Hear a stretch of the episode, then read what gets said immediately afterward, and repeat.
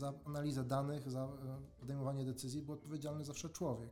Powoli już dobijamy do, do krańców naszych możliwości poznawczych, to znaczy coraz większy procent osób ma wyższe wykształcenie. To wykształcenie też zdobywamy jakby coraz być może efektywniej, tak, ale to jest proces, który ma swoją górną barierę, którą jest po prostu zdolność poznawcza naszego mózgu, tak, i to nie może rosnąć w nieskończoność. Potencjalnie w dłuższym okresie ta bariera poznawcza może być y, barierą uwalniającą dalszy, dalszy postęp.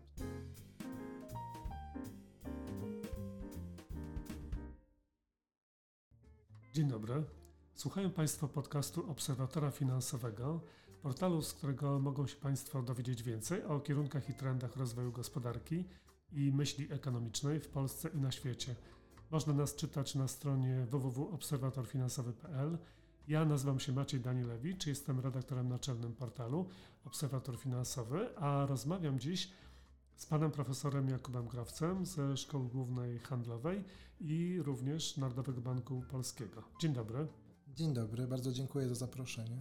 Jest Pan ekonomistą zajmującym się teorią wzrostu gospodarczego. Posługuje się Pan w swoich pracach naukowych bardzo złożonymi narzędziami analizy matematycznej, statystyczno-ekonometrycznej. Te narzędzia i modele służą zasadniczo do opisu zjawisk z przeszłości i teraźniejszości. Prognozy wybiegają zazwyczaj na kilka lat w przód, a my umówiliśmy się na rozmowę o dosyć odległej przyszłości czyli o tym, o czym zazwyczaj opowiadają autorzy fikcji literackiej czy filmowej. Czy ekonomista ma narzędzia, żeby analizować odległą w czasie przyszłość i żeby na przykład odpowiedzieć na pytanie, jak będzie wyglądał świat za 20, 30, 40 lat i na czym wtedy będzie się opierał wzrost gospodarczy? Oczywiście narzędzia e, analityczne, narzędzia modelowe mają swoje ograniczenia i wiadomo, że im dalej w przyszłość wybiegamy, tym więcej tu jest spekulacji i, i mniej jakichś twardych, konkretnych liczb. Jeśli śledzimy trendy długofalowe, czyli zmiany, które trwają przez dziesiątki, tak, czasem nawet setki lat, no to na podstawie takich długich tendencji, długich trendów jesteśmy pewnie w stanie ekstrapolować z trochę większą dozą ufności wobec tych ekstrapolacji, niż, niż gdy bierzemy jakieś takie krótkie tylko zdarzenia. Tego oczywiście nie przewidzimy, tak? No, nikt nie przewidział pandemii COVID-19, no, kryzysu poprzedniego też nikt nie przewidział. To są zjawiska, które pojawiają się nagle. Natomiast takie, takie długofalowe trendy, technologiczne trendy na przykład, są troszeczkę może bardziej możliwe do, do wychwycenia. I jakby Pan mógł zdefiniować to, na czym opiera się w tej chwili wzrost gospodarczy i czym by różnił się ten wzrost, z którym będziemy mieli na przykład do czynienia w połowie tego wieku? Myślę, że w tej chwili jesteśmy na takim etapie, że pojawiły się i szybko się rozwijają nowoczesne technologie, tak, zwłaszcza w takich krajach wysoko rozwiniętych, technologie cyfrowe w szczególności. I one, można powiedzieć, są jednym z takich mechanizmów wzrostu w tych krajach najbogatszych. Ale z drugiej strony, tak w skali świata, no to bardzo ważna jest też konwergencja. Bardzo ważne dla wzrostu gospodarczego w skali całego świata jest to, że kraje wcześniej słabiej rozwinięte nadganiają dystans do krajów najbardziej rozwiniętych. No i to często się już odbywa w oparciu o technologie, które znamy od dłuższego czasu, ale które wcześniej nie były na tak szeroką skalę wykorzystywane. Y, takim zjawiskiem poszukiwanym przez ekonomistów ostatnio, od chyba kilkudziesięciu lat, od czasu, kiedy pojawiła się ta rewolucja cyfrowa, jest y, poszukiwanie wzrostu produktywności. Wiadomo, że w czasie rewolucji przemysłowej, y, po mechanizacji y, produkcji, ta produktywność gwałtownie wzrosła, skokowo w XIX wieku. W tej chwili wydaje się, że nie można odnaleźć dynamicznego wzrostu. Czy on nastąpi właśnie w związku z tą rewolucją cyfrową? Tak, rzeczywiście tradycyjnie mierzony wzrost produktywności czynników nie jest jakiś e, zachwycający. Kontrastuje dość mocno z tym, jak bardzo szybko rozwijają się dziś technologie cyfrowe. I rzeczywiście jest to inaczej niż miało to miejsce podczas rewolucji przemysłowej. I teraz zdania ekonomistów są w sumie podzielone. Mamy z jednej strony obóz, który twierdzi, że ten trend, który widzimy, czyli raczej spadku, spowolnienia wzrostu produktywności, to jest ten trend, który będzie w najbliższe dziesiątki lat e, nam towarzyszył. Mamy też drugi obóz, który twierdzi, że jest to przejściowe i właśnie te technologie cyfrowe, które, no, których własnymi oczami widzimy, jak szybko się rozwijają, one zaczną w końcu oddziaływać na wzrost produktywności, tylko jakby na troszeczkę późniejszym etapie, dlatego że te technologie no właśnie, do czego prowadzą? Prowadzą między innymi do automatyzacji, prowadzą do, do dość gwałtownych zmian w tym, co wytwarzamy i jak wytwarzamy, bazując w dużej mierze na, na, tym, jaka jest moc obliczeniowa komputerów, na tym, jak szybko przetwarzamy informacje. Te zmiany, które są widoczne, one jeszcze nie przekładają się na PKB, być może kiedyś zaczną, kiedy będziemy na dalszym etapie automatyzacji. człowiek jest y, trochę hamulcem y, skokowej dynamiki produktywności, tak? Wydaje się, że tak, jeśli chodzi o epokę cyfrową. Wydaje mi się, że w ogóle ciekawie jest odróżnić mechanizację od automatyzacji.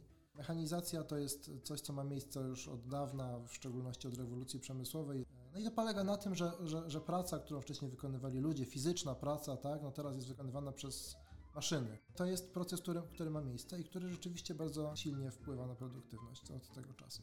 Teraz mamy automatyzację, to jest coś innego, bo to, to jest zmiana, jeśli chodzi o przetwarzanie informacji i podejmowanie decyzji. Tak? To, to nie jest w warstwie wykonywania fizycznych czynności, tylko to jest w warstwie właśnie informacyjnej. No, no jedno zastrzeżenie jest takie, że jest to w pewnym sensie inny wymiar, więc być może też, jeśli mówimy ciągle o PKB, to ta PKB jest jednak miarą taką w dużej mierze zakorzenioną w fizycznych y, czynnościach, tak? Więc w tym sensie może ten szybki wzrost w innym wymiarze niekoniecznie w 100% będzie się kiedyś przekładał na wzrost w tym wymiarze PKB. A drugie zastrzeżenie jest takie, że, że właśnie do tej pory, zanim nie pojawiły się komputery o dużej mocy obliczeniowej, no to za analizę danych, za e, podejmowanie decyzji był odpowiedzialny zawsze człowiek. Powoli już dobijamy do, do krańców naszych możliwości poznawczych, to znaczy coraz większy procent osób ma wyższe wykształcenie. To wykształcenie też zdobywamy jakby coraz być może efektywniej, tak, ale to jest proces, który ma swoją górną barierę, którą jest po prostu zdolność poznawcza naszego mózgu, tak, i to nie może rosnąć w nieskończoność. Natomiast w tych trendach długofalowych mocy obliczeniowej komputerów, no to sky is the limit, tak? To rośnie i rośnie i nie widać gdzieś tego górnego ograniczenia. Potencjalnie w dłuższym okresie ta bariera poznawcza może być y, barierą uwalniającą dalszy, dalszy postęp. Przypomina mi się taka scena z filmu Stanleya Kubricka 2001 Odyseja Kosmiczna. Tam było w pewnym momencie zadane takie pytanie, czy superkomputer, który nigdy się nie myli, nigdy nie popełnia błędu, ma również uczucia. Okazało się w pewnym momencie, że ma te uczucia i to stało się źródłem dużych problemów dla tej ekipy statku kosmicznego. Ostatecznie człowiek wygrywa pojedynek z takim superkomputerem, ale tylko dlatego, że ten superkomputer można od odłączyć. Pan tutaj zadaje pytanie, które daleko wykracza poza instrumentarium ekonomisty, więc e, zastrzegam, tak, zastrzeżenie duże. Jeśli coś teraz powiem, to to już jest spekulacja i science fiction bardziej niż, e, niż moja praca e, naukowa. Generalnie z tego, co, co mi wiadomo, to te scenariusze, takie jak Pan opisuje, nie, nie są zbyt realistyczne. Tak? To znaczy, jeśli mamy e, jakiś byt o wyższej inteligencji e, niż inny byt, to na ogół ten, ten inny byt nie wygra w tym sporze, tak? To znaczy, no nie odłączy, nie odłączymy tej, tej, wtyczki, bo on będzie na tyle inteligentny, że będzie wiedział, że my będziemy chcieli wyłączyć tą wtyczkę i zrobi tak, żeby się jej nie dało, żeby wyłączenie wtyczki nie dało tego efektu, który my oczekujemy. Swoją drogą bardzo polecam książkę Nika Bostroma Superinteligencja. W jakich zakresach widziałby Pan y, taką możliwość pełnej automatyzacji? Właśnie dojście do tego momentu, kiedy właściwie wszystkie procesy będą w pełni zautomatyzowane? Można powiedzieć, które, które zastosowania najszybciej się rozwijają. Później można się zastanawiać nad tym, jakie są możliwości przekroczenia barier, kiedy na przykład jeden algorytm będzie sobie zaczął radzić z coraz większą liczbą zadań różnych naraz. W tej chwili aplikacje, które mamy są jednak dość wąskie chociaż jest e, oczywiście rozwój niesamowity. No na przykład e, można pomyśleć o tym prowadzeniu samochodów, w tej chwili to się rozwija, ale jeszcze tłumaczenie tekstów, tak, symultanicznie. A wróćmy jeszcze do tej kwestii właśnie, jak będzie wyglądał świat za 20, 30, 40 lat. Rozumiem, że możemy sobie wyobrazić, że będzie duży zakres jakby gospodarki zautomatyzowanej i jednak pewien zakres prac, być może takich podstawowych, które będą wykonywane przez człowieka. Myślę, że pewnie w tym horyzoncie jednak duże prawdopodobieństwo jest, że nie będzie ogólnej sztucznej inteligencji, prawda, o wyższych możliwościach niż człowiek. Tak? W, tym horyzoncie czasowym nie, raczej, raczej nie spodziewamy się. No i wtedy rzeczywiście mamy pewne zadania, w których ludzie radzą sobie na tle algorytmów relatywnie dobrze. No i tutaj taki trend, który już widać, to jest, że najszybciej automatyzowane są prace rutynowe, takie, które łatwo skodyfikować, łatwo wykonywać jakby mechanicznie. A najtrudniej jest e, albo zautomatyzować albo prace, które są właśnie jakieś kreatywne, wymagające dużej wiedzy, kompetencji, wymagające też pracy grupowej, albo takie prace w, właśnie w kontakcie z człowiekiem. Wydawałoby się nie wymagające super kwalifikacji, ale, ale wymagające jakiegoś takiego e, specyficznego podejścia, które po prostu człowiek ma, bo przez te tysiące lat ewolucji wytworzył, tak? Taki kierunek dojścia do pełnej czy większej automatyzacji, jakie będzie miał konsekwencje dla społeczeństwa? Czy społeczeństwo będzie bardziej egalitarne, lepiej będzie funkcjonowało, będzie bardziej zadowolone? Wydaje mi się, że są dwie rzeczy, tak? Wydaje mi się, że z jednej strony mamy, mamy korzyść o, ogólną dla wszystkich, wynikającą z, z, z wzrostu tego tortu, który jest do podziału, tak? Czyli mamy wzrost produktywności, mamy lepsze produkty dające Wam więcej radości. Tak? Ale z drugiej strony rzeczywiście e, ta tendencja może pogłębiać nierówności. W szczególności osoby, które dotąd wykonywały takie właśnie powtarzalne, łatwe, łatwe do zmechanizowania, zautomatyzowania czynności, mogą stracić pracę, mogą mieć problem, żeby się przekwalifikować na inną pracę, tak, którą będą w stanie dostać. No więc wiele osób na pewno odczuje negatywnie te, te skutki tych procesów. Myślę, że to może być tak z rewolucją przemysłową, tak? To znaczy, że w długim horyzoncie po, po wielu, wielu dziesiątkach, setkach lat ostatecznie skorzystają wszyscy, ale na początku wzrosła bardzo silnie nierówność. Ci, którzy się byli pierwsi, żeby się załapać na ten pociąg, no to e, bardzo mocno skorzystali, włącznie z tym, że tam jeszcze było wiele innych procesów towarzyszących, na przykład kolonializm. Wydaje się panu, że ta rzeczywistość będzie ciekawsza do badania w przyszłości, czy jest ciekawsza właśnie teraz, a w przyszłości się uprości? Jeśli się uprości, to to chyba zły znak. Tak? Wydaje mi się, że prawdopodobnie właśnie złożoność będzie wzrastać, tak jak wzrastała historycznie. Także jest ciekawie teraz, będzie ciekawie dalej, wydaje mi się. Wydaje mi się, że, że właśnie, właśnie to jest jeden taki, e, taki, taki e, symptom rozwoju cywilizacji, tak? że nie tylko wzrasta PKB per capita, a tak, ale albo PKB ogółem, bo to kiedyś w, w, w stuleciach dawniejszych po prostu e, produkt w świetle takiej maltuzjańskiej dynamiki ludności przekłada się po prostu na większą liczbę ludności, tak? I to był rozwój cywilizacji w ten sposób, że było coraz więcej ludzi na naszej planecie. Dziś również każdy poszczególny człowiek staje się stopniowo coraz bogatszy i to jest ogrom, ogromna korzyść. Całkowita moc obliczeniowa kiedyś była proporcjonalna do tego, ile było ludzi, po prostu każdy miał mózg i to był jedyny e, efektywny sposób wykonywania obliczeń. E, dzisiaj e, to zupełnie te dwie rzeczy się roz, odkleiły od siebie. Jeżeli gospodarka się automatyzuje i do obsługi jakiegoś procesu produkcyjnego potrzeba jest coraz mniej ludzi, y, w jaki sposób zmierzyć wtedy produktywność z punktu widzenia ekonometrii? W, w, produkcji wykorzystujemy różne nakłady, tak? I jednym z nakładów jest właśnie praca, praca ludzka, tak? Więc jeśli mierzymy produktywność na osobę zatrudnioną, no to ona może dążyć do nieskończoności, w tym sensie, że być może kiedyś powstaną procesy, które będą w ogóle bez ludzi funkcjonować, więc jak się dzieli przez zero, wiadomo co wychodzi. E, w zasadzie nie wolno, ale powiedzmy sobie tak, stopniowo tak, to do nieskończoności by dążyło. To jest jedna miara, no ale inna miara no to jest jakby miara e, całkowitej produktywności, tak? czyli, czyli no, podzielimy przez całkowitą miarę nakładów. Tak? Pro, produkt podzielony przez nakład też mamy tu kwestię efektywności, tak? że, że być może pewno, pewien produkt da się wytworzyć mniej lub bardziej efektywnie pod względem przykład wykorzystania mocy obliczeniowej. Tak?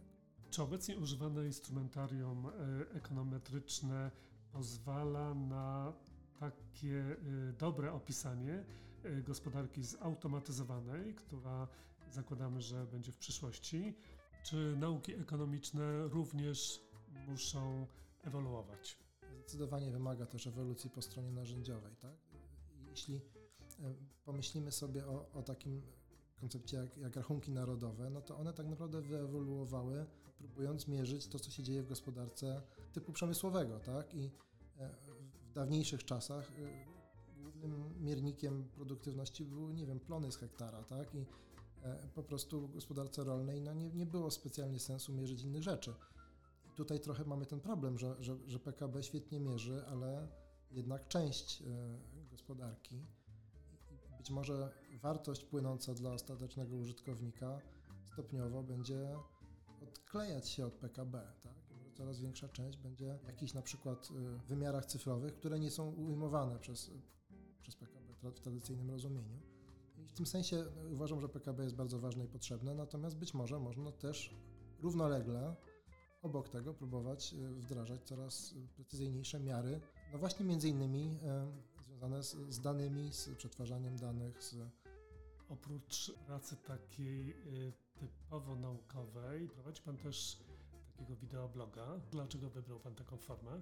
Poczyniłem rzeczywiście taką próbę, można na YouTubie mnie tam znaleźć, natomiast to wynikało z tego, że przemyślałem pewien, pewien wątek i no, mam przygotowany manuskrypt książki, której jeszcze nie opublikowałem.